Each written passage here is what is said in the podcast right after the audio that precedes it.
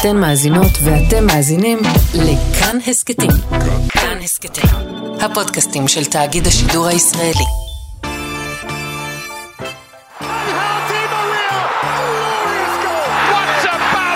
Messi, Messi, Messi, Messi. Gol, gol, gol. שלום, אני אורי לוי ואתם על שער הסכת הכדורגל של כאן, תאגיד השידור ואתר בבא גול. מה באמת קורה עם השיפוט בכדורגל הישראלי? איך משחק ידידות תמים באיראן מלמד אותנו על שינויים גיאופוליטיים גדולים בעולם שלנו ובאזור שלנו, והאם מנצ'סטר יונייטד אכן חוזרת לקדמת הבמה. אז פרק הפאנל השני לשנת 2023. כאן, ויש לנו הרבה מאוד מה לדבר, גם על הכדורגל המקומי, גם על הכדורגל האזורי, וגם על הכדורגל העולמי, ולכן התכנסנו כאן, באולפן, יוסי מדינה בבא גול. אהלן, אהלן. בוקר טוב. בוקר מעולה. אסף כהן, ספורט אחת. שלום, שלום. שלום, בוקר כמה מצוין. טוב כתמיד. כתמיד, כתמיד. ואורחת מיוחדת, נדין אבו לבן, אהלן וסהלן, עלקי, נדין אל-עזיזה. איזה כיף. אהלן, שלום אכבר, ממש כיף להיות פה. שלום וברוכה הבאה, נדין כמובן מהארץ ומשידורי כאן 11 בקטאר. הרבה זמן לא נפגשנו מדוחה. ממש, ואיזה צוות כיף, ככה מחזיר נשכחות. לגמרי, מבחינתי עשית את הדרך לאולפן מהפנינה. אז ככה, למי שדאג, אגב, איפה אדם חביבאללה, הרבה, הרבה מאזינים ככה שלחו שאלות לאור הפרסומים של אדם. אדם נמצא באוקראינה ומסקר שם מהשלג ומהכפור את המערכה. עיתונאי אמיתי. אמת, עיתונאי אמיתי. אז הוא לא יהיה איתנו היום, ואנחנו מאחלים לו שיעבור בשלום את הכל, שישמור על עצמו ושיחזור אלינו במהרה. אז שמור על, על עצמך היה אדם. ובכלל, המלצה, תעקבו אחריו באינסטגרם, התמונות שלו מטורפות משמה. קיבלנו הרבה מאוד פידבקים, אסף, על הפרק הקודם. אני יכול לאשר לך, הפורמט פופולרי. אבל אנחנו שומעים, קשובים ומעצבים ככה את פרקי הפאנל בפורמט החדש. מה שאומר שאנחנו גם גמישים, ויהיו שינויים בסדר גם, לפעמים נתחיל עם העולמי, לפעמים עם האזורי. כל פעם נשים את הפוקוס על הסיפור המעניין. כי זה, זה הכדורגל, כדורגל זה סיפור. אז עכשיו, פאנל, שער, מקומי, אזורי, גלובלי, יצאנו על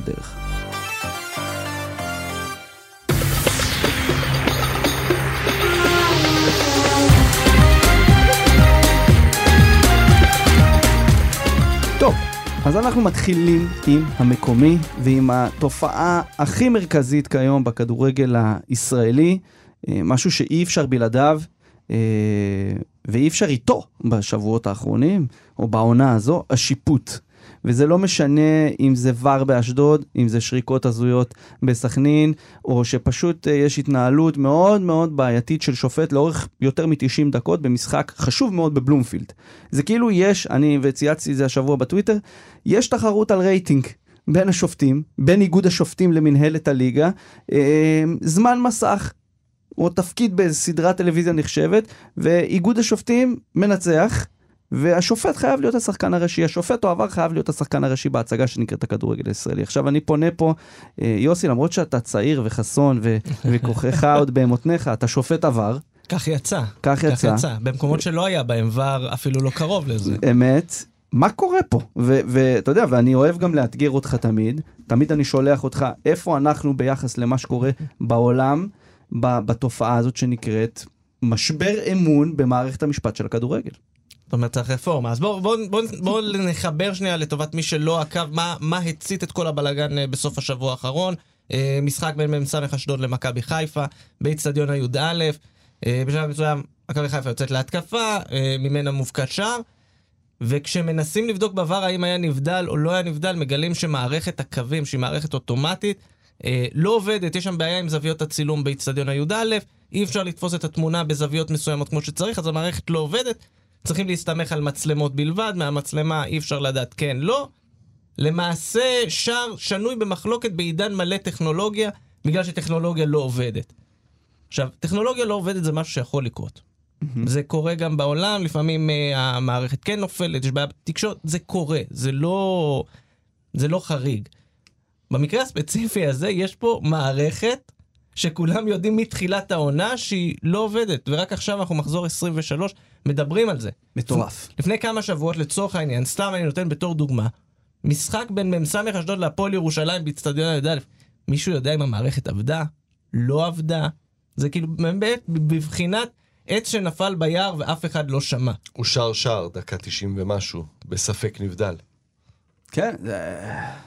נכון, זה, זה, זה, פשוט, אה, זה פשוט מדהים. אז לאן אני חותר מכך? עכשיו, מילא תגידו שיש פה איזושהי בעיה, ו... אוקיי, כולם מבינים שיש בעיה ופועלים ביחד אה, לפתור אותה, אבל אנחנו בישראל. אז מה עושים בישראל? רבים מי צריך לפתור. האם זה באחריות המינהלת, באחריות ההתאחדות, איגוד השופטים, אולי בכלל החברה שמפעילה את מערכת הקווים, כי זו חברה חיצונית. ובגלל שכולם רבים, אז בינתיים הבעיה הזו ממשיכה להתגלגל, להתגלגל, להתגלגל, מגיעה עד. לכדי פיצוץ כזה. עכשיו, כשאתה מביא את זה למצב שאתה לא פותר, אז גם מתחילות קונספירציות. האם השופטים של מכבי חיפה, האם השופטים נגד קבוצה כזו, בעד קבוצה אחרת.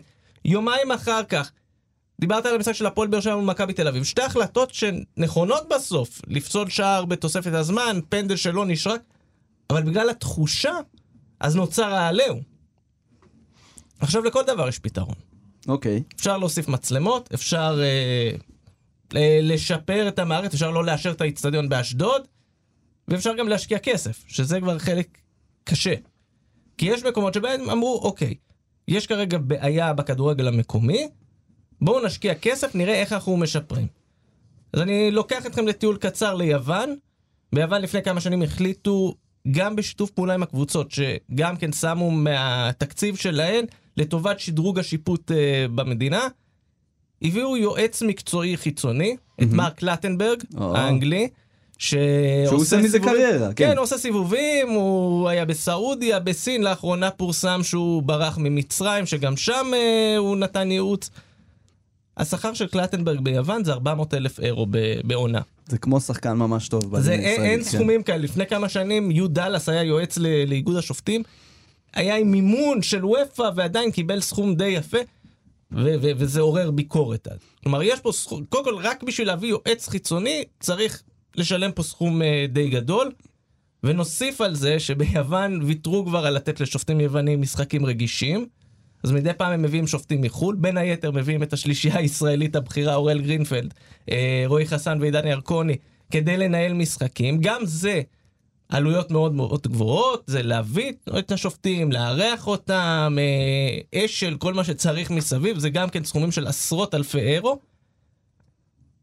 ואז אתה אומר, אוקיי, אולי בישראל, נבוא נאמץ, אין בעיה, בואו נבלע את הגלולה המרה, נשלם כן. את הסכום הזה. העניין שמי שזוכר, היה פה כבר ניסיון כזה. לפני בערך עשור, הביאו שופט גרמני, מנואל גרפה, לנהל מכבי תל אביב נגד מכבי חיפה. לקראת סוף המשחק הוא שורק פנדל, במשך שלושה ימים קרנבל שלם סביבו, כאילו ש- שרק לא נכון, עד שמצאו איזה תמונת סטילס מזווית אחורית שכן היה מגע. מה, מה, מה השורה התחתונה פה? ששופטים זרים לא יעזרו לכדורגל הישראלי. קודם כל, הכדורגל הישראלי צריך להשתדרג, זה בלי קשר. כן. כן שופטים, לא שופטים, זה, שופטים זה, זה בעיה אחת מתוך רשימה מאוד מאוד ארוכה של בעיות. אבל מישהו שצריך להבין שכדי שהדברים פה ישתדרגו, צריך גם לשלם, זה עולה כסף, ואם זה חשוב למינהלת, להתאחדות, לשופטים, אה, מה שנקרא, אה, מצב המוצר, אני חושב שכולם ירוויחו מזה בלונגרן. כן. אסף, סופש אה, אדיר לליגיונרים ישראלים בחו"ל, מנור סולומון. אה, היה מרגש מאוד, אני אפילו התראיינתי לאיזה פודקאסט של אוהדי פולאם שהם מאוהבים בו. אה, מאבק אליפות די מעניין פה בליגה המקומית בסוף, בסופו של דבר, יש פה מרוץ משולש לתואר, אבל מה שאנחנו מדברים עליו זה השיפוט, או אתה יודע, כמו הפרסום של רז אמיר אתמול, איך נשמע חדר עבר בזמן uh, משחק, שזה נשמע לי כמו איזה תחנת מוניות, אני חייב להגיד, לא, לא מפתיע אותי שם. בסוף זה, זה מערכת קשר. כן, אז מה, מה, מה קורה פה? יש פה... אה... יוסי נגע פה בדבר מאוד משמעותי, כמובן תוספת של, של תקציבים תוכל לעזור בשיפור של המקצוענות ומקצועיות. אה, ויש פעולות שנעשות שהן טובות מאוד, וכמו לשחרר את ההקלטות של עבר, זה דבר משמעותי, כמו ראיונות של שופטים אחרי משחק זה משמעותי, כי זה נותן אה, איזשהו מבט מבחוץ, והבנה שכולם בני אדם, וגם אם הם טועים, אתה יודע, ברגע שבן אדם, אתה שומע אותו, אז הוא יותר אנושי, ואפשר יותר לסלוח. ואני באמת חושב שיש פה איזושהי בעיה עם שופטים שחלקם פחות טובים, חלקם יותר טובים, אה, אבל יש בעיה מהותית, אמיתית, בתוך איגוד השופטים עצמו. אה, בארגון הזה עצמו, ש... ואני חייב להגיד, בהרבה מובנים זה קצת מראה למדינת ישראל, אה, ולכן זה לא מפתיע, שבה ההסברה היא חזות הכל, ולהסתכל לעומק בבעיות עצמן, זה משהו שאפשר לשים בצד. עכשיו, מה זאת אומרת הסברה? אה, תסתכלו, כמעט בכל שבוע יוצאת הבהרות לגבי החלטות, אם היו נכונות או לא נכונות. מעבר לזה שבדרך כלל ההחלטות אה, מסתברות בהסברים כנכונות, ההתייחסות היא כמעט תמיד למשחקים של מכבי תל אביב, מכבי חיפה, הפועל באר שבע. בסוף השבוע האחרון הקבוצה שנדפקה יותר מכל היא הפועל חדרה. באיזה כרטיס אדום שנראה שהיה מוגזם, לא משנה, יכול להיות שהוא היה בסדר אם יסבירו אותו. לא שמענו הסבר. כשהפועל חדרה נדפקת לא שומעים הסבר. כש... אגב, זה היה באיזה פעם שנייה בתקופה קצרה מאוד, שסכנין זוכה מן ההפקר מטעויות שיפוט, על פניו טעויות שיפוט. למה אנחנו לא מקבלים הסברים, גם על המשחקים האלה, יגידו, פחות מעניין את הציבור. לא. איגוד השופטים, אתם לא מדברים לרוב הציבור, בגלל שרוב הציבור אוהד מכבי תל ומכבי חיפה. אתם מייצגים את כולם, אתם שופטים את כולם, גם אוהדים של אשדוד, חדרה וקריית שמונה, מגיע להם לקבל הסבר. עכשיו, זה ממשיך אה, משהו שקורה בתוך האיגוד, אה, ש, שבו יש מחנאות, כמו שאולי יש בהרבה ארגונים, כן. ואנשים שעוסקים במקצוע הזה מבפנים יכולים להעיד, ומעידים, כפי שאתה שומע כאן עכשיו, mm-hmm. על אה, זה שברגע שיש טעות של שופט אחד, אתה מיד מקבל הודעות מהרבה שופטים מהצד השני שנהנים להפיל אותו, או לחלופין כאלה שמגינים עליו, ולהפך.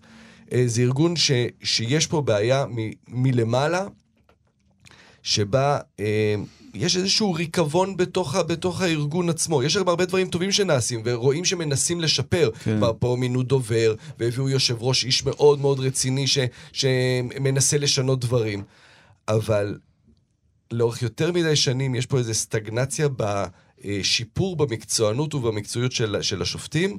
ולטפל בהסברה זה נחמד, אבל אין שיפור אמיתי, וזה... התחושה היא שזה הולך כל הזמן ונהיה יותר גרוע, זה התחושה שלנו, כי זה עוד פעם ועוד פעם, ואז זה כבר לא פעם ראשונה, אלא פעם עשירית שאתה שומע על אותם דברים. כן.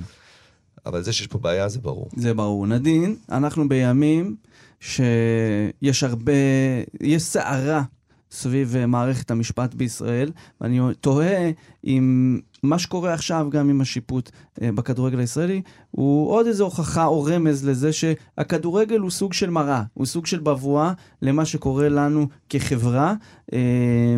מה את חושבת על זה? איך את, איך, לך... איך, איפה הקשר בין שני הדברים האלה? תן לי להביא לך בכלל מראה אחרת. אנחנו מדברים על רעידות אדמה דווקא עכשיו, וזה מרגיש שכולם יודעים שיהיה רעידת אדמה. אנחנו יודעים שיהיה רעידת אדמה, אנחנו יודעים שיש בתים שעומדים ליפול, ואנחנו לא עושים עם זה כלום. ואותו דבר גם אה, מערכת השיפוט בכדורגל. יודעים שיש בעיה, ויש בעיה חמורה, אבל לא עושים איתה כלום, מחכים לרגע שיפול, ואז אנחנו אולי נתחיל לתקן.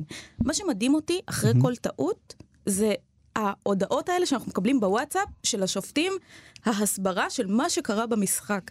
תמיד אין אין הודעה שוואלה, טעינו.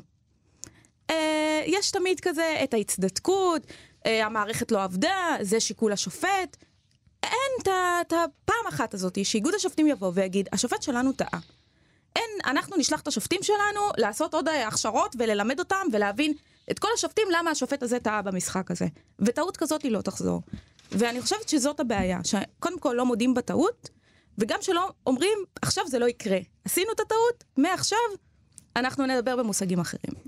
זה נכון, זה נכון. זה... אורי, אני אגיד משהו גם בהקשר לזה. לפעמים מרוב ניסיון להצטדק, אז נותנים דוגמה, הנה באנגליה גם טועים או דברים כאלה, נכון. זה כמו, אבל כשאתה מאמת עם המציאות, כלומר, לא לקחת רק את מה שנוח. באנגליה לצורך העניין, בסוף השבוע האחרון, כמעט במקביל, יוצאת הודעה, לי מייסון, אחד השופטים הוותיקים, אה, למעשה הופרש מתפקידו בגלל שבמשחק בין ארסנל לברנדפורד, שער שוויון דרמטי של ברנדפורד, הוא לא מתח קווים כדי לבדוק את הנבדל שם. כלומר, יש פה גם עניין של לא רק גם הם טועים, מה הם עושים עם הטעות אחר כך כדי להפיק מסקנות. אני לא אומר עכשיו את כולם לבוא ו- ולבעוט החוצה, להבין איך לוקחים את הטעויות ומשתפרים. לא הכל בסדר גם באנגליה. כן, אז אתה יודע, אה, לפעמים אני חושב על העולם שלפני ה-VAR, שלפני כל השאלות והתהיות הקיומיות האלה בין האדם לטכנולוגיה, בין האדם למחשב, אה, אבל בלי שום ספק שאנחנו נמצאים בתקופה סוערת אה, משפטית, וזה מבעבע, ומהביעבוע הזה אנחנו נצא קצת מהזירה המקומית לזירה האזורית. ונדבר קצת על מה שקורה במזרח התיכון.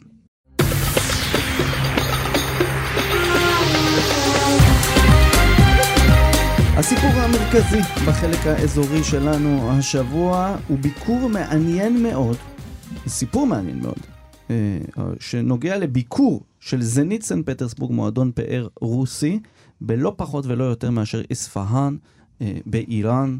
אה, בסופש האחרון זנית נסע לשם למשחק ידידות נגד ספהאן המקומית. אלפי צופים ביציעים. אה, משהו, אירוע שלווה בפרומו מאוד מושקע של זנית, שהזכיר סוג של ביקור דיפלומטי חגיגי אפילו. ובאופן מעניין, משחק הידידות הזה גם הסתיים בהפסד רוסי 2-0. ספהאן ניצחו, ובתגובה מאוד מאוד מעניינת של חלק מאוהדי ספהאן, אה, ונדן, אני מתחיל איתך פה, איך זה קרה, מה הלך שם, מה האוהדים אמרו, ומה אנחנו יכולים ללמוד מזה מבחינה גיאופוליטית, כי מן הסתם יש בזה הרבה יותר ממשחק ידידות של כדורגל. ברור, אה, כדורגל זה אף פעם לא רק כדורגל, כמה שתמיד אה, פיפ"א רוצה לצאת ביציאות של אנחנו מנתקים את הפוליטיקה מהכדורגל, אין, אי אפשר. אז איראן ורוסיה, אפשר להגיד שהיחסים הם, הם לא מאהבת המן, אלא משנאת מרדכי, ומרדכי כמובן זה ארצות הברית, וכל הזמן היחסים היו כאילו ברמה פוליטית, מדינית, חימוש. ונראה לי סוף סוף, מה זה סוף סוף? הם כבר במהלך שנים עובדים על הדבר הזה. Mm-hmm. גם לנסות לחבר בין העמים, לא רק uh, זה עושה סנקציות אז אני מביא לו את הנשק שלי, אלא גם מבחינת העם. ומה יותר עממי מכדורגל. כן. אה, אז שם בדיוק הדבר הזה קורה, ואני חושבת שהמשחק הידידות הזה, שהוא האמת אה, גם חלק קטן ממה שעומד לקרות בהמשך, עוד uh, כחודש תארך... Uh, ייערך גם משחק ידידות בינלאומי, זאת אומרת בין שני הנבחרות הלאומיות, mm-hmm. ו- ויש שם משהו שהוא הרבה יותר גדול, כמובן, בשביל מעבר, בוא נגיד, שקט כן. של רוסיה לתוך לתוך המונדיאל 2026, בשביל להיכנס אה, דרך אה, גביע, אה, לא גביע אסיה, דרך ההתאחדות האסייתית. זהו, אז יש, באמת זה היה ניסיון שרץ לאורך השנה האחרונה, אנחנו סיקרנו את זה ככה בבבא גול גם, הניס... היה ניסיון של חלק בהתאחדות הרוסית לנסות לבדוק את האפשרות של לעבור לשחק תחת המטריה של ההתאחדות האסייתית. אני חושבת שזה לא רק ניסיון, זה ממש הייתה, רצון. הייתה לאחרונה ממש הצבעה על זה, כרגע הרוסים אמרו לא. כן, כי מי שחזק שם הוועדה המארגנת. ההתאחדות כן. הרוסית עדיין uh, כאילו בולמת את זה, אבל באזורים ספורטיביים אחרים, למשל הניסיון של רוסיה לחזור לפעילות בוועד האולימפי לקראת uh, אולימפיאדת פריז 24, אז יש דיבור על זה שספורטאים רוסים ובלרוסים גם יקבלו אפשרות להשתתף באולימפיאדה דרך, דרך uh, דגל ניטרלי ודרך המוקדמות באסיה ולא באירופה. כלומר, כן מתחילים להכשיר את השטח לקראת... חזרה רוסית ובלרוסית שקצת אה, נשכחה כזה מהצד. זה גם אה, המון מאבקים פוליטיים, כי המון קבוצות בעצם מוופא לא מוכנות בכלל לשחק אה, מול הקבוצה שמייצגת את פוטין, בוא נגיד. אה, ו- ובאסיה זה, זה פחות אישיו, גם אה, נשיא אה, האיחוד האסייתי בעצם אומר, זה לא מופרך, ב-2006 קיבלנו אלינו את אוסטרליה, למה שלא נקבל קבוצה, את רוסיה, ששלושת רבעי ממנה יושבת באסיה? מבחינת ההתאחדות האסייתית זה יהיה שיחוק רציני להשיג אה, קבוצות כמו צסקה מוסקבה וזנית סן פטרסבורג ונבחרת רוסיה. אה, אגב, בהקשר למה שאמרת, ב- לא, לא במקרה, במהלך שבוע שעבר, לראשונה אי פעם, רוסיה הפכה להיות המדינה הזרה שהיא המשקיעה המובילה בתעשיות ועסקים איראנים, היא עברה את סין פעם ראשונה אי פעם. במקביל למשחק הזה, אז לחזק את מה שאמרת על הקשר הגיאופוליטי המתחזק בין שתי המדינות. אבל מה שעניין אותי זה וידאוים מהיציע של אוהדי ספהאן, שנופפו בדגל אוקראינה. ושרו את שירי מהפכת החיג'אב, מה עשה המיני, מה, מה הסיפור? אה, אז כמובן שלתושבים זה עובר הרבה פחות חלק כמו שזה עובר לדרג המדיני. ראינו את זה גם במונדיאל, במשחק בין איראן לארצות הברית, אה, שתכלס בקהל, אם היינו מסתכלים טוב טוב אני ככה... ואת היינו על הדשא היינו שם. על הדשא, אז היינו מסתכלים על מחוות מאוד קטנות, אבל לא משהו שהוא, בוא נגיד, מדיני, אולי חוץ מלא לשיר את ההמנון במשחק הראשון של איראן. אבל בעצם העם אומר את דברו, בוא נגיד. אה, שהם לא מקבלים את כל מה שהולך פה. כן, אמנם המדינות עכשיו מתחזקות, אה, רוצות להראות מעין מעצמה יחד, לכל הכיוונים אה, שעושים עליהם את הסנקציות, המערביים בעיקר, אבל העם לא, לא, לא מקבל את זה. בדיוק כמו שהמשטר האיראני הוא נורא שונה מהעם האיראני, גם העם הרוסי שונה מהמשטר הרוסי. ו- ו- ושם זה מתחבר, ואני לא, לא מופתעת מזה. כמובן שיהיה את הקיצונים לפה ולפה, ברור, אבל, אה, אבל העם אומר את דברו. לגמרי. איזה מדהים זה, איך תמיד אנחנו, אחרי מונדיאל גדול, אחרי טורניר גדול, אנחנו מנסים להסיק מסקנות על איזה דברים זה משפיע מבחינת כדורגל. בהמשך, כדורגל העולמי. תראו מה קורה פה עכשיו. זה היה מונדיאל, הרי המונדיאל של העולם הערבי, של העולם השלישי, שבו היה מאוד ברור שהמחאה נגד הקיום המונדיאל הזה בקטאר הגיעה מהמערב, וההתאגדות של העולם השלישי, כ... אתם לא רק מבקרים את קטאר, אתם מבקרים את כולנו. ומה קורה עכשיו בעצם? הרוסים, שנדחקו מהעולם הראשון, מה... מהאירופי, אה, במובן כמובן החברתי, אה, פוליטי, אה, בגלל, בגלל המלחמה, בגלל הדברים האלה, הולכים גם בספורט לכיוון הזה. אה, העולם הראשון, זה שביקר את קטאר, זה שלא אה, לא רוצה אותנו עכשיו, אין בעיה. אז בואו נלך לשם, בואו נלך ל... במקרה הזה לאיראן, אבל גם פה, כמו שראינו במונדיאל, היה את איראן, את המדינה איראן, והיה את השחקנים האיראנים, שלא שרו את ההמנון, ואת הקהל. אה, איך הוא- איך-. בדיוק, איך הוא הגיב, כמו שפה, הקהל האיראני במשחק עצמו מנופף בדגלים אה, אוקראינים, אבל עצם העובדה שהקבוצה הרוסית שם, זה החלטה של השלטון. אז זה מראה איך בעצם הדברים המשמעותיים, הפוליטיים שהיינו במונדיאל, נמשכים גם הלאה. לגמרי, ואני חושב גם אה, שזה זה פשוט מעניין, ולראות ש, שהפסיפס הוא הרבה יותר מורכב ממה שכותרות בתקשורת אה, נותנות לנו על, אה, על איראן, על רוסיה. אה, כמו, ש, כמו שנדין אמרה, העם לא תמיד מיישר קו עם הממשלה, למרות שלנו מפה, ממקום מושבנו ב, בישראל, זה, זה ממש אה, נראה ככה. וגם אה, אנחנו, אם נסתכל על זה פנימה, בעולם מסתכלים על ישראל כמשהו אחד, אבל האם מסתכלים על המאה אלף איש שצועדים כאן, צריך לזכור שכשאנחנו מדברים איראן, זה לא מקשה. יש את האזרחים, יש את הממשל. אותו דבר. אה, נכון, נכון, נכון. בכדורגל. לגמרי. אה, כל זה קורה כמובן בשבוע די מעניין של כדורגל אסיאתי, כן? ליגת האלופות האסיאתית, האזור המערבי, אה, מגיעה ככה לשלבים המכריעים. היום יש אה, רבעי גמר, אה, אל הילאל אה, הסעודית נגד חוזסטן פולאד האיראנית. כן, זה כיף, יש את אל-שבאב הסעודית נגד אל-דוחייל, משחקים חזקים, יום ראשון יש את החצי גמר, שהוא בעצם הגמר של האזור המערבי, נדע מי תשחק נגד אוראווה רד דיימונדס בגמר ליגת האלופות האסייתית, וגם, ממש אה, פה, השבוע, אה, הליגה הפלסטינית, אוקיי? אמנם אנחנו מדברים על זה בחלק אה, האזורי, אבל זה סוג של מקומי. יש מאבק אליפות רותח, אסף, תקשיב טוב, בין הילל אל-קודס לג'בל מוכבר, עם קשר ישיר... דרבי. לכ... דרבי, נכון, דרבי מזרח ירושלמי, עם קשר ישיר לדרבי המערב ירושלמי. כי מאמן הילל אל-קודס הוא סלמן עמאר, אגדת הפועל ירושלים, שחקן עבר, מאמן עבר של המועדון, שהיא מובילה את, ה, את הטבלה. ובצד השני, בג'בל מוכבר, משחק זיאד קונבר, שמי שהשם הזה מוכר לו, הוא שחקן שיליד ג'בל מוכבר, יליד מזרח העיר, שגדל בנוער של בית"ר ירושלים. והייתה תקופה שהוא היה תקווה של הרבה מאוד uh, מאוהדי בית"ר uh, מהצד ה... לא אגיד שמאלי של המפה, אבל נגיד מהצד המתון. ה... המתון יותר, שהוא יהיה הראשון uh, לשבור את, ה... את הכלל שאף אחד uh, לא רוצה לדבר עליו. Uh, הוא לא עשה את זה, אבל הוא ואחיו מובילים את ג'בל מוכבר, ויש לנו קרב ראש בראש, שלושה מחזורים לסיום שתי הקבוצות, אותו הפרש שערים, אותו מספר נקודות, נציג עבר להפועל ירושלים, נציג לבית"ר, מעניין מאוד. Uh, משהו להוסיף, חברים, על זה לפני שאנחנו מתחברים קצת? אה, היה בעצם סיפור גדול. סיפור גדול מאוד בשישי בערב. איש קטרי, מכובד, רוצה לרכוש את מנצ'סטר יונייטד, נכון?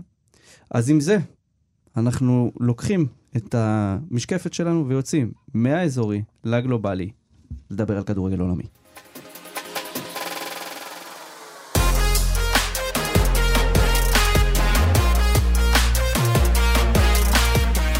טוב, אז רגע לפני שאנחנו מדברים על, ה, על החיבור שלנו בין החלק האזורי לחלק העולמי ועל uh, ג'אסם בן חמד, uh, uh, מי שמעוניין לקנות את uh, אחד המועדונים הגדולים בעולם. אסף, יש לך סיפור קטן שרצית להביא לנו. Uh, shoot.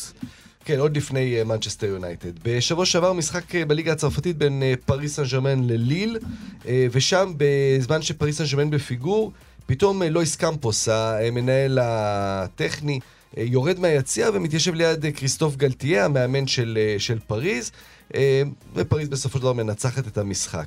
עכשיו, זה דבר שלא קורה הרבה בכדורגל, שמנהל המקצועי יורד אל הקווים, זה באמת מערער את מעמדו של המאמן, ואתה שם בסימן שאלה מה המשמעות שלו בכלל. ובוודאי בפריס סן ג'רמן, שם לכולם ברור שהמאמן, התפקיד שלו זה רק אה, ככה לדאוג שכל האגואים יהיו מרוצים ואיכשהו להוביל את הקבוצה לזכייה בליגת האלופות, שזה בינתיים כמובן לא מצליח.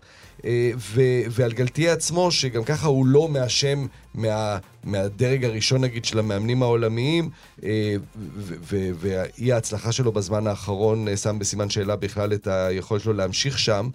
אבל כמו כל דבר בכדורגל, אף פעם דברים הם לא חדשים באמת. כלומר, גם אם זה נראה מדהים ומזעזע, תמיד יש היסטוריה ותמיד יש משהו שקרה קודם. אה, ואני חוזר, מחזיר אתכם לנובמבר 1980. אה, יוהאן קרויף סיים את דרכו בארצות הברית בכדורגל האמריקאי וחזר להולנד, רצה לחזור לשחק באייקס, okay. אוקיי. חלון העברות היה סגור, לא יכול היה להתחיל לשחק, ולכן מונה ליועץ מיוחד להנהלה אה, בזמן, בזמן שהוא לא משחק. על הקווים המאמן לאו ביינהקר, לימים אחד באמת מהמאמנים המובילים והגדולים, גם אחרי זה הגיע לריאל מדריד. אה, בנהאקר עומד על הקווים. אייאקס מארחת את טוונטה ונמצאת בפיגור 3-1.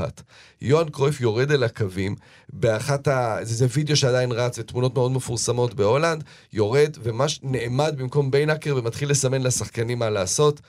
כמו כל דבר שקרויף נוגע בו, זה עושה בלאגן, אבל בסוף הכל מתיישר. מנצחת 5-3, אה, בנהאקר החזיק עוד שלושה חודשים בתפקיד עד שהוא הלך, כי בסופו של יום, כמאמן, אתה חייב מעל הכל להפגין שאתה מחזיק בקבוצה, ואתה זה שמקבל את ההחלטות, בוודאי המקצועיות. אה, וכמו הסוף של ביינקר, כנראה שזה גם יהיה הסוף של גלתיה. הוא עשה... אני בא לי לעשות סגירת מעגל לסיפור שלך, 37 כן. שנים אחר כך האיצטדיון באשקלון, אה, ג'ורדי קרויף על הקווים וסטיב מקלרן יורד לייעץ לו מהיציע. אתה מבין מה זה? אתה מבין מה זה? נדין... ומסטיב מקלארן לסטיב מקלארן, תכף אנחנו נגיע עם מנצ'סטר יונייטד. כן, תכף אנחנו... זה לנדין גם היה סיפור שתפס את עיניו והיא רצתה לשים עליו, ואסף, יש תחושה שאתה תאהב את הסיפור הזה. כן, כי אנחנו ממשיכים עם אייאקס, אה, מוחמד קודוס, שהוא בעצם השחקן של אייאקס, הבקיע שער נפלא, ובאמת שער מדהים. אה, בעיטה חופשית, כן. בבעיטה חופשית, ואז קרה מה ששופטים בדרך כלל לא אוהבים, הוא הוריד את החולצה. אבל אה, מתחת לחולצה נהיה כיתוב לזכרו של החבר, אה, של קריסטיאן אצו, שבעצם מת בהריסות בטורקיה תחת הרעידת אדמה. כן. ומה שמדהים, ואני חושבת שהוא אולי אה, רגישות כזאת, אני מקווה ששופטים בארץ יאמצו אותה. השופט ממש הבין מה קרה, לא נתן כרטיס, אפילו הסביר לו שאני מבין מה קורה וזה מכובד. ובעיניי זה היה הרגע המרגש אה, בכדורגל השבוע. לגמרי, ואני חושב, אסף, ותקן אותי, זה, זה משהו, אני חושב שזה משהו שיכול לקרות ספציפית בהולנד. זה מאוד נכון, כי, כי זה מקום עם מודעות פילוסופית לכדורגל ול, ולחיבור שלו עם החיים, שזה לפי דעתי באנגליה הוא כן היה מקבל כרטיס צהוב. מסכים לגמרי. בהולנד, בגרמניה זה היה עובר ככה, כנראה במדינות סקנדינביות זה, זה, זה היה עובר. אמ, וזה נורא יפה לראות, אתה יודע, אתה גם שם את זה בקונטקסט שבועי. פול ואן בוקל, אותו שופט, אתמול שופט במשחק של סיטי נגד לייפציג, לא נותן פנדל שכנראה הגיע ממש בסוף, אז אתה יודע, מיד הולכים ל... אה, הנה הוא לא נתן פנדל. ואז אתה אומר לעצמך, אוקיי, זה משמעותי אולי יותר מבחינה כלכלית, ואתה יודע, הוא לא נתן פנדל, ואם בסוף סיטי תודח, ואחרי שהיא לא קיבלה פנדל, אז מבחינה כלכלית יש לזה הרבה יותר משמעויות עמוקות. אבל מה שנשאר לנו זה בסוף השופט הזה, שמפעיל שיקול דעת, שאומר, אוקיי, נכון, יש פה חוקה ברורה, מוריד חולצה, צהוב, לא, יש פה דבר שהרבה יותר גדול מזה. אה, ככדורגלן אל כדורגלן אחר. ו... חבר נבחרת גם. כן, בדיוק, ולכן אני חושב שזה באמת, גם אטסו בהולנד יש לו מקום כאן, כי הוא שיחק בויטסה, הוא שיחק בליגה ההולנדית, כולם יודעים מי הוא ומה הוא. כן. אמ, אז, אז זה באמת, אה, אני מסכים איתך שבהולנד יש לזה מקום אה, מיוחד. כן, סיפור מרגש בהחלט, ו... ובאמת אין, אין מה לעשות. כל דבר שקשור לרעידת אדמה הזו, שאגב, הרגשנו גלים שלה גם פה, אה, זה משהו שככה מזיז את הלב. עכשיו, אני שנים מתריע. על זה שהחיבור בין המזרח התיכון ומה שקורה באזור שלנו לכדורגל, הוא הולך ומתגבר, ויוסי יודע שאני חופר על זה אה, הרבה, אבל זה באמת מה שהוביל אותנו לחלק הגלובלי, זה החיבור הזה בין המזרח התיכון אה, לאירופה, לכדורגל העולמי, כי באמת יש סיכוי אה, לא קטן אה, שמישהו הולך לרכוש את מנצ'סטר יונייטד, ג'אסם בן חמד, אה, קטרי, אה, ומנצ'סטר יונייטד חוזרת. היא שוב כאן, אה, לפחות עד הערב שהיא מארחת את ברצלונה אה, בליגה האירופית. אסף, ימים אה, מרגשים, סוערים, מעניינים עבור המועדון העצום הזה והאוהדים שלו. אה, מקצועית, צריך לומר, הם נראים מדהים, הם בתקופה נהדרת. אה, ומאחורי הקלעים, כמו שכבר הזכרתי, רכישת המועדון מהגלייזרים, זה הנושא שמעסיק שם את האוהדים, שמחכים לזה ככה ועושים כותרות ומדברים בכל מקום. קח אותנו רגע צעד צעד, ובוא נתחיל מקצועית. זה אמיתי, מנצ'סטר יונייטד חוזרת? אני חושב שכן. אני חושב שכן, היה מוקדם להגיד, כי אצל מנצ'סטר יונייטד, בתור uh, אחד מהמועדונים הגדולים בעולם, והוא כזה, יכול להיות המועדון הגדול באנגליה, לא יודע, יכעסו עליי אולי אוהדי ליברפול, או, או אחת הקבוצות הלונדוניות, אבל uh, בוודאי אחד מהגדולים uh, בעולם. Uh, לא זכה בתואר מאז 2017, מאז הליגה האירופית עם ז'וזה מוריניו. זה משהו שהוא לא מתקבל על הדעת במועדונים כאלה. אין דבר כזה שלא זוכים בתארים, ובסוף סופרים תארים. אה, אבל ביונייטד ניסו בעצם מאז, אה, מאז הפרישה של פרגוסון, בכל מיני דרכים להגיע למקומות האלה, עם מאמנים אה, בעלי שם עולמי, עם סמל שחקן בית, זה לא עבד. החליטו ללכת על אריק טן האח, שהיה ברור שיש שם פוטנציאל גדול, כי הוא עשה עם אייאקס דברים גדולים, אבל הוא לא, עוד לא אימן בקבוצות הטופ, הוא לא אימן בפרמייר ליג. ואחד הדברים הגדולים שטן האח אה, עשה ועושה, זה הדומיננטיות שלו בקבלת החלטות כמעט בכל הדברים. ותכף אני, אני ארחיב, אני חושב שאחד הדברים הבולטים, ובתור מישהו שמקרוב, מסקר ו- ומכיר את הכדורגל ההולנדי, זה מדהים לראות איך את אותם דברים שטן האח, והיה לו שם את אוברמרס כמנהל מקצועי, את אותם דברים שהם עשו באייאקס, הם עושים עכשיו במנצ'סטר יונייטד. וזה מדהים איך הדברים שעבדו להם שם, בינתיים זה נראה שזה עובד בצורה מושלמת ביונייטד. עכשיו, באייאקס יותר קל, כי עדיין זה מועדון יותר קטן, ושם כשהיה ל... אמ, לאוברמרס וטן האח את היכולת להחליט דברים, אז זה היה עד הסוף. מה זאת אומרת? למשל שב... אמ, בינואר, פברואר, מגיע אדווין ואן דר סאר, המנכ"ל, ואומר להם, טוב, חבר'ה, יש לנו הצעה עכשיו ל, אה, ביולי לנסוע למחנה אימונים בסין, תמורת שלושה מיליון אה, דולר, אה, אנחנו חייבים לעשות את זה כי זה הרבה מאוד כסף. אז אריק תנח בא ואומר, לא, אנחנו לא נוסעים לסין, כי זה לא מתאים לי ב, בקיץ הקרוב, וזה לא מתאים לי בהכנה שלי את ה, את ה, לעונה הקרובה, ולכן אנחנו לא ניסע. וזה יעלה למועדון שלושה מיליון, אבל אנחנו נתאמן לא בסין, אלא בספרד בגלל מזג האוויר, ו- ו- וככה נתכונן לעונה, מה שהוביל כמובן לארבע אליפויות אה, בתקופתו, שני דאבלים.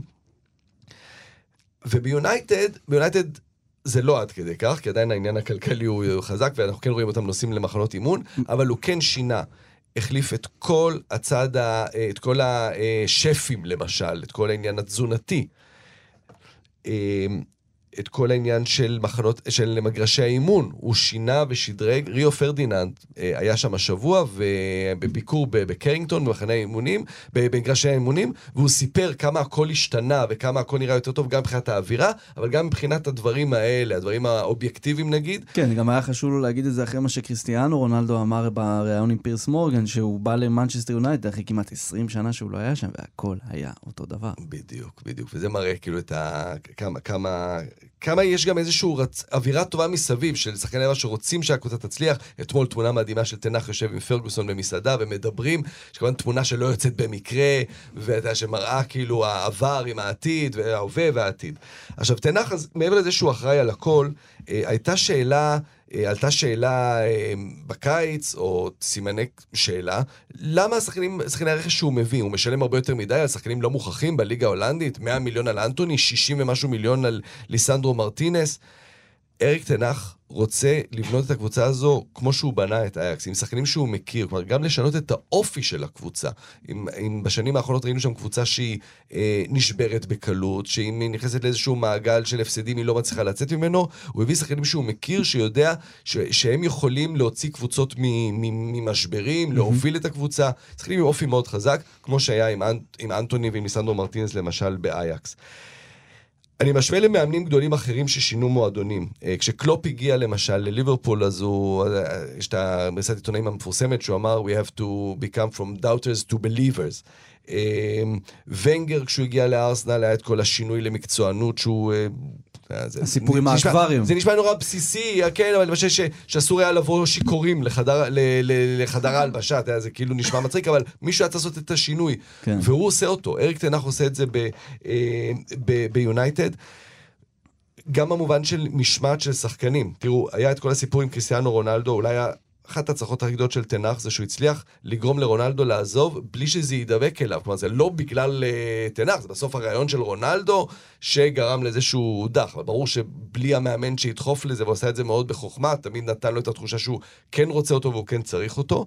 ומיד אחרי, שרונל, אחרי שחזרו מהמונדיאל, היה ברור רשפורד כבר בכושר טוב, הוא מאחר להגיע לאימון. הוא יושב על הספסל.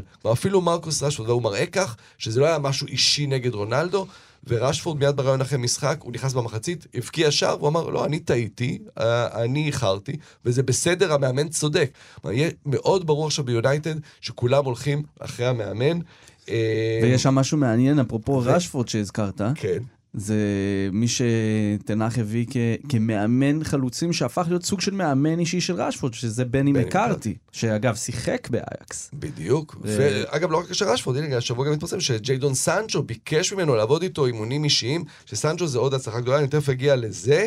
במסגרת החזרה של אה, תנח על הדברים שהוא עשה באייאקס, אתה רואה את זה גם בכדורגל של יונייטד.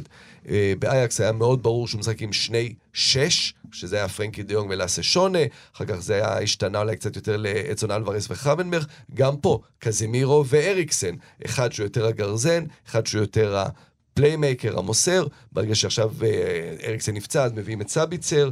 אמ, בכנפיים, תמיד השחקן אחד שנמצא ממש על הקו, והשחקן אה, שמשחק ממש על הקו ופורץ על הקו, כמו שהיה עם נרס, והשחקן שנכנס מצד אחר אה, לאמצע, שחקני כנף שמשלימים אחד את השני, זה היה נגיד וואה, נדין פה לידי, אני אגיד זייש ו, אה, ונרס. ואני גם אז פה. כן, לא, אתה, אתה, אתה, אני לא מפחד ממך. אה, וביונייטד זה אותו דבר עכשיו, עם, נגיד עם, אה, עם אנטוני ורשפורד שמשלימים אחד את השני. הרבה דברים שחוזרים על עצמם, גם מבחינה מקצועית, גם מבחינה מחוץ למגרש. יפה. אה, ותוך כדי הדברים האלה הוא מצליח אה, להרים שחקנים לגבהים. שכבר שכחנו שיכולים להגיע אליהם. זה ראשפורד עם מספרים מטורפים, 16 שערים ב-16 משחקים מאז המונדיאל, ברונו, שהעין לא משקרת. כלומר, אפשר לדבר על מספרים, ואפשר להסתכל על משחקים של יונייטד ולראות את המסירות של ברונו ואת העובדה שהוא מרחף על המגרש. ג'יידון סנצ'ו, היחס אליו, תראו, זה שחקן שהכי קל להגיד פלופ, נרכש בסכום שלכולם היה ברור שהוא אולי גבוה כן. מדי, והוא לא מצליח והוא לא מספק את הסחורה. והייתה שם בעיה, כנראה גם פיזית, אבל גם נפשית, והוא נתן לו את הזמן, והוא האמין בו, והנה במשחקים האחרונים נראה שהוא מתחיל אה, לקטוף את הפירות של, של, ה, של הדבר הזה. אל תפתח פה. כן, לא, לגמרי. אה, מבחינה אה, גם מקצועית, אתה יודע, אנחנו מדברים הרבה על פפ כגדול מכולם, במובן הזה שהוא ממציא דברים וממציא אה, עמדות לשחקנים. Mm-hmm. מה שבשבועיים האחרונים אריק תנח עושה עם ואוט וחורסט, זה הדבר הכי פפ גוורדיולאי שיש. חלוץ, תשע, הכי סטטי וסולידי שיכול להיות שתרים לו כדורים, כן. פתאום הוא קשר. כן. הוא קשר שהתפקיד אה, אה, שלו זה להפריע לפרנקי דה יונג ולפדרי לבנות משחק, ועושה את זה כמו שצריך. זה... דבר שהוא לא מובן מאליו בכלל. בהחלט, בהחלט, בהחלט, והמון המון דברים מעניינים קורים במנצ'סטר יונייטד, אה, כמו גם בצד הניהולי. נו, תיאר עכשיו קבוצה מאוד שווה לרכישה בעיניי. כן, מניה- בעלייה בהחלט. נכס, שהשווי שלו עולה, אה, ובגלל זה יש כמה הצעות. אנחנו שומעים גם על המיליארדר הבריטי רטקליף, הבעלים של אה, ניס ושל אה, לוזאן, בית ההשקעות אליוט, שהוא גם הבעלים של מילאן, שגם מתכנן לעשות איזה משהו, אבל זה עוד איזה אה, תוכנית כזאת עם הלוואות ו- ודברים אה, מורכבים אה, כאלה ואחרים, ו... אה, אילון מאסק שזרק איזה משהו על זה בטוויטר, בלי קשר לכלום. כן, אפרופו מניה בעלייה, אם אילון מאסק מצ- מצייץ עליך, כנראה שדברים הולכים אה, לעלות. זה גם מעלה את הערך. בדיוק, ואולי ההצעה הכי רצינית והכי קונקרטית והכי ריאלית כרגע שעל השולחן, אה, זה באמת ההצעה של אה, ג'אסם בן חמד, נשיא הבנק האסלאמי הקטרי. אה, נדין, מה את יכולה לספר לנו על, ה, על האיש הזה? אחרי מונדיאל קטר, משהו מפתיע אותנו בכלל עם הזריקת כספים לכל מקום הכדורגל? אוקיי. אמ, כמו שאמרנו, מניעה בעלייה. אמ, עוד, עוד דמות ערבית גדולה שרוצה לשים את השם שלה על, על קבוצת כדורגל גדולה. אז אה, ראינו רכישות קטריות מאוד גדולות בעבר, ברצלונה, אבל למשל. פה, אבל פה זה שונה, אני מרגיש שמשהו ב, בניסיון הרכישה הזה הוא שונה. כי... אפשר רגע לשאול שאלה לפני הכל, אולי שתבהירו קצת ל- כן. ל- ל- למאזין שלא לא ממש מבדיל, ש- מה ההבדל הנה. בין מי שמחזיק היום בפריס סן ג'רמן למי שעכשיו רוצה לרכוש את מנצ'סטר יונייטד, וכמה, גם כשמדובר באנשים שונים, הם באמת אנשים שונים, והאם אין מעליהם מישהו אחד. אוקיי, זה, זה שאלה מצוינת. אה, תראה, נורא פשוט. אה, אנחנו זוכרים שבסוף שנות ה-90 היה את הרעיון הזה שאסור שיהיה אותו בעלים לשתי קבוצות כדורגל. זה מזמן, זה פסה כבר. יש מעל אה, כמעט 200 מועדוני כדורגל בעולם שהם תחת אה, בעלות משותפת. אה, כמובן, אנחנו מכירים את רדבול, את סיטי פוטבול גרופ. גם דמויות יותר קטנות, עידן עופר מחזיק גם נכון. אחוזים באתלטיקו. מדריד, גם את פמליקאו בפורטוגל. בדיוק. ווטפורד אודינזה. בדיוק, אז, אז הטיעון הזה של פריס סן ג'רמן, מנצ'סטר, הוא כבר לא רלוונטי. עכשיו, למה לא רק שהוא לא רלוונטי? כי זה באמת לא אותו בן אדם. ג'אסם בן חמד הוא אמנם אה, נשיא הבנק האסלאמי הקטרי, אבל הוא לא אה, קשור ל-QSI, Qatar Sports Investment, שזו הקרן שהניחה את אה, נאסר אל-חלייפי להיות המנהל והפנים של פריס סן ג'רמן והכל, ומי שהבעלים של המועדון. הוא גם לא חברה ממשלתית, כאילו כאלה Qatar Airways, שזה כן חברה ממשלתית. נכון, נכון מאוד, זו, זו נקודה אה, מצוינת, אה, והוא גם לא קשור לבית המלוכה. אה, זה בן אדם שהיה קשור בעבר, הוא, הוא חלק משבט הת'אני ה- הגדול, שמונה כמה אלפי אנשים, אה, אתה יודע, בסביבות ה-2500 שהם אה, לעמדות כוח כאלה ואחרות. אבא שלו היה בן אדם מאוד חזק בתקופת האמיר הקודם, אבל הנה, הפלא ופלא, משהו שהתקשורת המערבית לא יודעת איך להתמודד איתו. בן אדם קטרי, אוהד מנצ'סטר יונייטד שלמד באנגליה כסטודנט, אוהד מנצ'סטר יונייטד כל חייו, שהולך לקנות, או מציע לקנות את המועדון הזה, לנקות אותו מחובות, שזה אולי הדבר הכי חשוב אחרי עידן הגלייזרים המטורף הזה, וזה למה אני חושב שההצעה הקטרית היא טובה יותר ונכונה יותר למנצ'סטר יונייטד מאשר ההצעה של בית השקעות כמו אליוט, שזה פשוט להמשיך לגלגל חובות עם הלוואות, אה, ואנחנו מכירים את השיטה הזאת מספיק. כאן יש בן אדם שהוא באמת אוהד את הקבוצה, וכן, סבבה, הוא קטרי, והמונדיאל בקטר מאוד מתקשר. מאוד, ובאמת העולם הערבי נפתח יותר לעולם של יפה, הכדורגל. מה שרציתי לשאול אותך, כל העולם אמר אחרי המונדיאל, הקטרים יעזבו את הכדורגל, הם ימכרו את פריס סן ג'רמן, ומה שאנחנו רואים פה נדין זה משהו הפוך. הם הולכים על המותג כדורגל הכי גדול בעולם, אולי חוץ מריאל מדריד. נכון, נכון, ממש ככה. למה הם עושים את זה? ממש ככה. נראה לי הם גם בונים על אה, מנצ'סטר יונייטד שאולי תהיה יותר מריאל מדריד מתישהו, אם אמרנו כבר מניעה בעלייה. אה, יחסי כוחות אה, משתנים לפעמים בשטח, ולהביא מישהו שהוא גם אוהד וגם לא מנותק מהשטח, שהוא גם, כמו שאמרת, למד, למד שם באזור, מכיר את האזור. האם אולי בכלל נסתכל על ה, פתאום על הערבים האלה שבאו מרחוק, אולי הם גם חלק מאיתנו, וואלה, הם גדלים פה, הם חיים פה. אה, ואני חושבת שגם המונדיאל עשה המון המון ערבוב אה, בעולם. אם, אם נלך להולנדים, אז פתאום הולנדים משחקים אה, במרוקו. התחלנו להבין כמה העולם, אה, הערבים נמצאים בכל מקום, אפשר להגיד את זה, לפעמים חוזרים הביתה, לפעמים לא, אבל יש להם גם כוח כלכלי מאוד גדול פה, ואם אנחנו מדברים על סעודיה תמיד, אז גם הקטרים רוצים אה, באמת אה, לה- להגיד, אנחנו, אנחנו לא רק קטרים, אנחנו לא רק של המזרח התיכון, אנחנו גם של העולם הגלובלי, והעולם הגלובלי הוא גם... עכשיו, אסף, עוד, עוד. משהו לחזק את, את ההסבר של ההצעה הקטרית, שזה הטריף אותי. הם כל כך בטראומה מה, מהעניין הזה של ההסתכלות, הפוקוס שהתקשורת המערבית שמה גם על פריס סן ג'רמן, גם על המונדיאל בקטאר.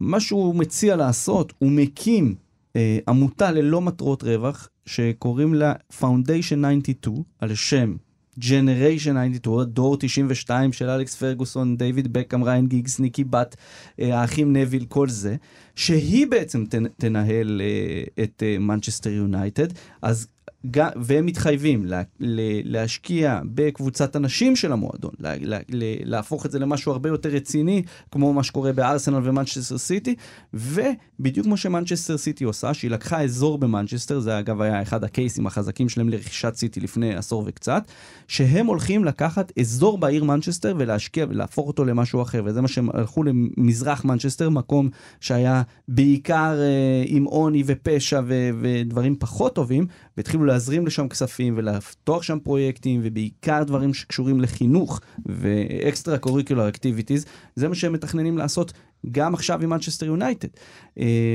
עכשיו, יש פה, יש פה איזשהו, איזשהו catch.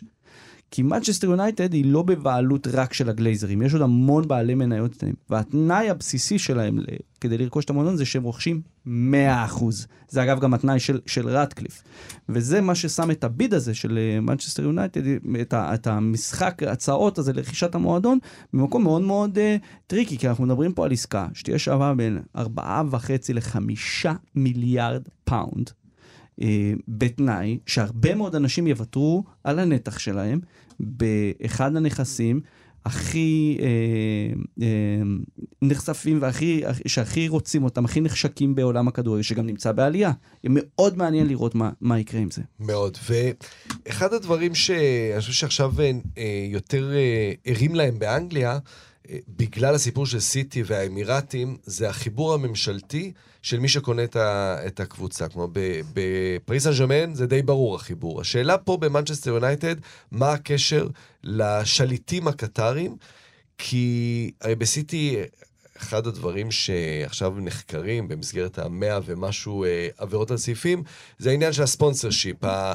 שהגיע מכל מיני מקומות. כלומר, הגיע כך וכך כסף מחברת התעופה, וכך וכך מחברת התקשורת, וכך וכך מחברת התיירות, שהכל בסופו של יום זה תחת אה, אותו אה, ממשל, וזה הגיע מאותו כסף ב... מקופות שונות.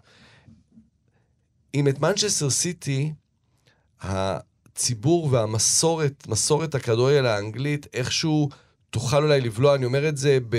באמת בדחילו ורחימו, כי אני לא בטוח בכלל שאני צודק לגמרי עד הסוף עם מה שאני אומר פה. אם את סיטי עוד יזרקו מתחת לגלגלי האוטובוס, אם יצטרכו, מנצ'סטר יונייטד זה מותג גדול מדי בשביל לסכן אותו. ולכן אני לא יודע האם באמת עד הסוף באנגליה ילכו עם ההצעה הזו. יכול להיות שמטעמי גזענות גם, ואיזשהו פחד מהעולם ההוא. אני אגיד לך מה אני חושב. ואני חושב שההיסטוריה הוכיחה את זה. הכסף מנצח הכל. הכסף מנצח הכל, בטח באנגליה, בטח בפרמייר ליג. אה, אבל בסדר, בוא נראה, עד שהרכישה הזאת תקרה, אם תקרה, מנצ'סטר יונייטד הערב מארחת את ברצלונה לגומלין, פלייאוף הליגה האירופית, אה, אחרי 2-2 מלהיב מאוד במשחק הראשון, המלצנו על המשחק הזה, אתה המלצת עליו אסף, אה, וזה מוביל אותי לחלק של ההמלצות הצפי, הצפייה שלנו לסופ"ש, שבוע שעבר הוא היה קצר מדי, ולכן הערב, הערב, היום ביקשתי מכם להכין כל אחד כמה משחקים, אבל ככה במשפט, מה אתם תראו בסופש הזה, ולמה משחק במשפט? אסף, אתה מתחיל, תן לנו את חבילת הצפייה. יפה, שלך. אז הלו"ז עמוס, וכמובן מתחילים היום עם יונייטד נגד ברצלונה, עם הגומלין כמו שאמרת. בסוף השבוע חוזרים לשחק בטורקיה לראשונה בעצם, חשוב. מאז רעידת האדמה. בסוריה כבר חזרו שבוע שעבר. כן, אז בטורקיה חוזרים עכשיו. כן ראינו את uh, טרבזון ספור, uh, למשל, משחקת כבר באירופה, אבל זה היה uh, במסגרת אירופית שבוע שעבר. אז יש uh, כמה משחקים שמשלימים את המחזור שהופסק אז. למשל, פנרבכצ'ה שחוזרת לשחק בשבת. Uh, ביום ראשון, הרבה משחקים ביום ראשון הפעם, אנחנו uh, נצפה בשש וחצי בגמר גביע הליגה באנגליה ביונייטד נגד ניוקאסל, אולי תואר ראשון ליונייטד מאז 2017, עם סיפור נחמד בשער של ניוקאסל קריוס, ההוא מליברפול, בגלל כל מיני הרחקות ועניינים כאלה, אז הוא יעמוד בשער של ניוקאסל. אה, גם ביום ראשון בחמש ריינג'רס נגד צלטיק בגמר גביע הליגה בסקוטלנד, עם היריבות הנהדרת שם. בדוק. יש פרק של שער על אה, ריינג'רס עדיין לא, וסלטיק? ותמיד ביקשו מתחילת הפרויקט, יהיה. רשמנו לפנינו. רשמנו לפנינו. יום ראשון, שש וחצי, באיירן מינכן נגד אוניון ברלין. משחק אה, העונה. משחק העונה בגרמניה, שלוש קבוצות שם עם אה, 43 נקודות, גם דורטמונד בנוסף לבאיירן ואוניון. יהיה מעניין לראות האם אוניון מסוגלת לעשות את זה. וב-9.45 בערב, השנייה בצרפת, מרסיי מול הראשונה, פריז, שזה כמובן ה-le classique, המשחק הגדול בצרפת. חמש הפרש שם.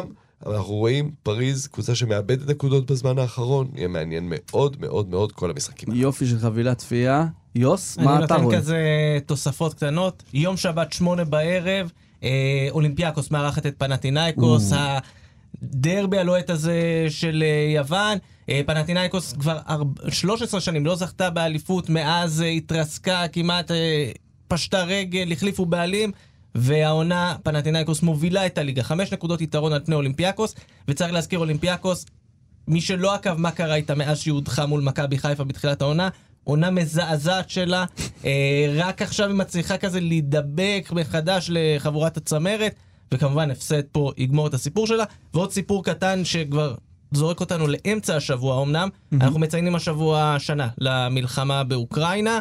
אה, באמצע השבוע זה יהיה משחק בליגת האלופות לנוער, רוך לביב, אה, אלופת אוקראינה לנוער, סיפור סינדרלה מטורף. אה, משחקת חמישה משחקים, אף אחד מהם מן הסתם לא בבית.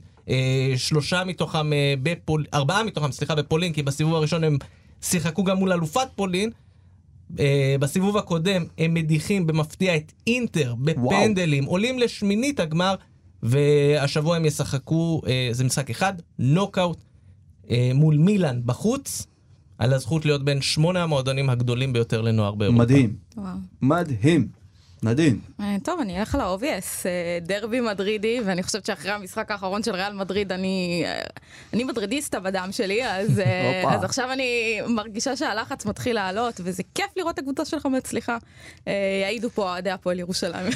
כן, כן, כן. חשוב להגיד, באמת, אנחנו בשבוע שהייתה לי ממש התרוממות רוח מכדורגל בזכות ריאל מדריד. זה, זה, היו שם, אני חושב, בין הדקה 47 לדקה 70, זה היה מעבר לכדורגל. ממש. מה שהיה שם. זה היה כמובן טעות איומה של שחקנים מאוד מנוסים כמו ליברפול, לשחק כל כך פתוח אה, מול אה, מכונה כמו ריאל מדריד, אבל המכונה הזאת, היא, מה שהיה, זה לא היה כדורגל, זה היה אומנות. הרגשתי שחזרתי למונדיאל קצת, כאילו עם ההתרגשות. זה היה הרבה מעבר, זה היה, אני חושב, זה, זה רמה שא', אפשר להגיע רק בכדורגל מועדונים, במונדיאל וכדורגל נבחרות, קשה מאוד להגיע לרמה כזאת של דידקטיות. יחד עם יצירתיות, של אובססיביות יחד עם תשוקה. זה משהו שאתה יכול לייצר רק עם אנשים שאתה חי איתם ועובד איתם יום-יום שנים. וריאל מדריד הזאת זה, זה מהפנט, ואני מסכים איתך לגמרי. הדרבי יהיה מעניין, למה? כי אם תשימו לב, כל הקבוצות האנגליות השבוע הפסידו. ב- ב- ב- סיטי עשו תיקו. כן, כן. נכון, סליחה. ויונייטד גם עשו תיקו, אבל הנה אנחנו רואים פתאום את הפרמייר ליג ואת מאזן הכוחות הזה, ועוד באנגליה ועוד באנפילד. לי עשה פלשבקים מסלטה ויגו 97-8 חיים רביבו שם אה, חגיגה כזאת של קבוצה ספרדית אה, באנפילד. אה, אבל לגמרי יהיה מעניין לראות כי בספרד ריאל מתקשה. משחקים מול הסגור באים להרביץ. בטח קבוצה כמו אתלטיקו משחק לשים אליו. בנימה אישית, אני חייב להוסיף על זה, כי כבר העליתם את ריאל מדריד. קדימה. כששחקן כדורגל פורש מכדורגל, זה סוג של מוות, מוות ספורטיבי, אה, ואתה נפרד ממנו. עכשיו, כמובן חלילה, ולא קרה פה דבר כזה, אבל אני, מהזיכרון האישי שלי, אני פרשנתי את חצי גמר המונדיאל, ושם, בתחושה שלי, נפרדתי מלוקה מודריץ'. נפרדנו ממנו כי הוא הודח, וזה היה הסוף שלו בנבחרת קרואטיה, כמובן, בגיל כזה, אתה אומר, כבר לא יהיה עוד מונדיאל. אז בתחושה נפרדנו ממנו. וביום uh, שלישי קיבלנו אותו במלוא הדרו ממש. בחזרה, וזה נורא יפה. בתחושה, עוד פעם, לא קרה לו כלום, הוא בסדר, הוא איתנו, אבל בתחושה שלי הפנימית, הוא שוב, הוא קם, הוא קם לתחייה. זה היה יפה מאוד. יש. לו עוד כמה שנים. אני הייתי ב... אז ביפן מול קרואטיה, ואני זוכר שהוא הוחלף אחרי השוויון כן. היפני, ואני הייתי בטוח שזהו, היפנים ממשיכים לנו את המונדיאל, ולוקה מודריץ' שיחק את המשחק האחרון שלו במונדיאלים, וזה באמת תחילת הסוף, אבל לא, לא, לא. אה, איזה שער באמת זה היה שם של עדר מיליטאו, מה שמודריץ' עשה שם. אבל שוב, הגנת ליברפול, מאוד מפתיע לראות קבוצה ברמה הזאת, עם, עם, עם הניסיון הזה, משחקת ככה. מוזר. כן, אפשר להיכנס להסברים כן, כן. פה, וזה נעשה בפעם אחרת. נדבר על ג'ו גומז ועל מה שקרה לווירג'יל ונדייק אחרי הפציעה. כן, בדיוק, כשליברפול תעלה לנו בתור. ה... בדיוק, הנושא המרכזי בגלובלי, אנחנו ניגע גם בזה. אני אמליץ, משחק אחד, נורא פשוט, יום ראשון, שעה חמש, חצי גמר ליגת האלופות האסייתית. אנחנו עוד לא יודעים מי תהיה שם, האם זה יהיה דרבי ריאד בין העלילה לאל-שבאב, האם זה יהיה דרבי קטרי-סעודי בין אה, העלילה ל- לאל-דוחייל, או שבכלל, פולאד חוזסטן האיראנית, שהמאמן שלה, ג'וואד נקונם, התפטר 24 שעות לפני המשחק הכי גדול בהיסטוריה של המועדון. הוא מאוד רוצה את uh, המשרה בנבחרת איראן ומנסה לעשות הכל כדי להשיג את זה. בקיצור, אסיה כמרקחה, uh, המזרח התיכון נראה לי כמרקחה. ששווה לציין מי יעמוד על הקווים אה, במקומו. אז זהו, מי שיעמוד על הקווים במקומו, אסף, תחזיק את הכיסא, טוב, חזק. ככל, עוזר המאמן יוביל. מדי מדיביקיה. אשכן דז'גה, שהוא שחקן פולאד חוזסטן, אה, יעזור וידריך את אה, פולאד חוזסטן במשחק הזה. אה, ספק עדיין אם יעלה בהרכב בגלל הנושא הזה. בקיצור, מאוד מעניין, אנחנו נראה מה, מה יקרה, זה הערב אה, וביום ראשון, החצי גמר, שזה בעצם הגמר של אה, האזור המערבי של ליגת האלופות של אסיה, ועם ההמלצות האלה, עד כאן להפעם שער מגזין הכדורגל העולמי של כאן, ובבא גול, תודה רבה לאסף כהן. רבה, היה כיף. לעקוב אחרי אסף בטוויטר, אסף כהן 2. אה, חשוב, תודה רבה ליוסי מדינה, אהלן. תודה, תודה. 1 בטוויטר גם כן, אין מצב שאתם לא עוקבים כבר אם אתם מאזינים לנו. ותודה רבה, שוכרן ג'זילה נדין, אבו לבן נדין, מקף תחתון אב בטוויטר, לעקוב גם אחריה, תמיד מעניין, תמיד בטעם. שוכרן, נהניתי ממש. איזה כיף. אז למי שמחפש עוד דברים להאזין ולקרוא בסגנון הזה, מה שדיברנו היום, וקצת אה, מעבר לעכברים יותר, בבא גול פודקאסט, עלו שני פרקים חדשים השבוע, אה, פרק חדש של Conference Call, המדריך הלא רשמי אה, ל Conference League, שיוסי מדינה ועדן רויטפיר אה, עושים ונותנים שם בראש, וגם ה-AFC Champions League Vibes, אה, על כל הנוקאוט של ליגת האלופות האסייתית, זה אצלנו. אה, עלו גם כתבות חדשות באתר שלנו בבבא גול, אני עם טור מזרח תיכוני שמדבר גם על איראן אה, ורוסיה וכל מה שדיברנו, וגם על המתח בין מרוקו לאלג'יריה, וגם מאבק האליפות המרתק בליגה הפלסטינית. אה, אנחנו נהיה פה גם בשבוע הבא, יום חמישי. אה, אסף, הווידאו שעשינו עם מחלקת הדיגיטל, אם ראיתם אותו, הביא הרבה מאוד הצעות לפרקים, אז לא רק סלטיק ריינג'רס שיהיה. רעיונות מאוד מעניינים, אני מאוד אוהב את המאזינים שלנו, כי הם יודעים שאנחנו מביאים להם מעבר, והבקשות שלהם הם מעבר. כמה דברים כבר בעבודה, אנחנו, מה שנקרא, צפו להפתעות עם זה. אה, מוזמנים בכל מקרה לכתוב לנו בקבוצה לאורך השבוע מה חשבתם על הפרק, איזה סיפורים עניינו אתכם ומה שלום אדם חביבאללה באוקראינה. תשתפו, תדרגו ולכו אה, לראות כדורגל מהאצטדיון, זה תמיד ההמלצה שלי. תודה רבה לניר גורלי, עורך כאן הסכתים, לעמרי קפלן שהפיק ועורך את הסאונד והמיקס אה, המצוינים אה, לפרק הזה. נמצא איתנו פה מעבר לזכוכית, תודה עמרי. אה, ולטכנאי השידור שלנו היום דרור רוטשטיין, אני, אורי לוי, Keep Football Real.